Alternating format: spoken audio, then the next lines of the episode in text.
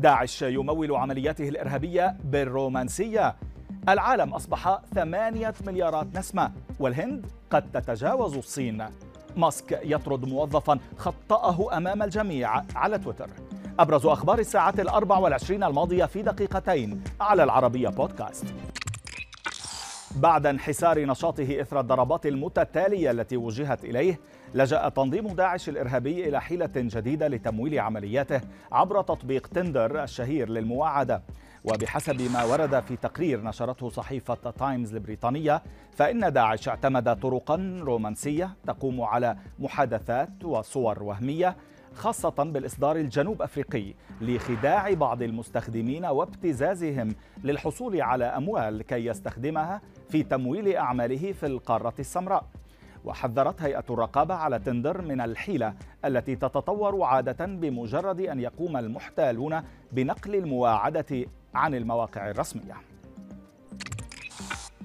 وإلى خبر آخر حيث وصل اليوم عدد سكان الأرض إلى ثمانية مليارات نسمة وفقا لتقارير أممية ترصد الزياده السكانية البشرية على الكوكب. وأرجعت السبب إلى أن الناس باتوا يعمرون أكثر بفضل تحسن خدمات الصحة العامة والتغذية والنظافة الشخصية والأدوية. ومع تفاوت معدلات النمو السكاني حول العالم حافظت الهند على نمو قوي حيث من المتوقع أن تتجاوز الصين لتصبح الدولة الأكثر اكتظاظا على وجه الأرض بحلول منتصف العام المقبل.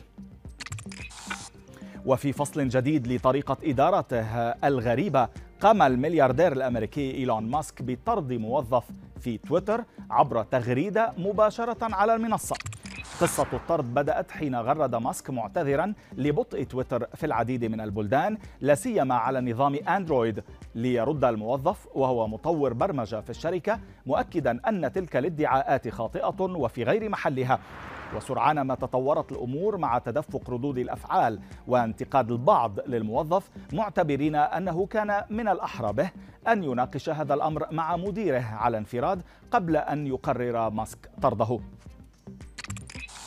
وإلى هولندا حيث أعلنت وزارتا العدل والصحة الهولنديتان في بيان مشترك حظر حيازة أو بيع أكسيد النيتروجين المعروف بغاز الضحك والذي يستخدمه شباب كثر خلال الاحتفالات أو المناسبات الاجتماعية رغم مخاطره.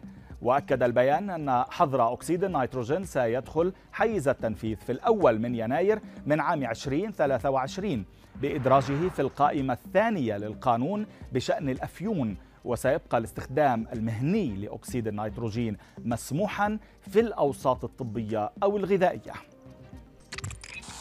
وفي خبرنا الأخير حقق طفل يدعى يوسف شاه يبلغ أحد عشر عاما أعلى درجة ممكنة في اختبار الوكالة العالمية للذكاء متفوقا بذلك على العالم الفيزيائي ألبرت أينشتاين والفيزيائي الشهير ستيفن هوكينج وسجل الطفل البريطاني درجة ذكاء بلغت 162 وهي الحد الأقصى لمن هم دون الثامنة عشرة كما أنها النسبة الأعلى بين الأشخاص جميعهم.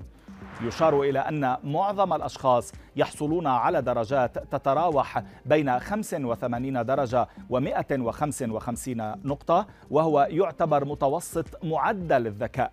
ووفقا لصحيفة ديلي ميل البريطانية فإن عالم الفيزياء هوكينج سجل 160 درجة كما يعتقد أن أينشتاين قد حقق النتيجة ذاتها.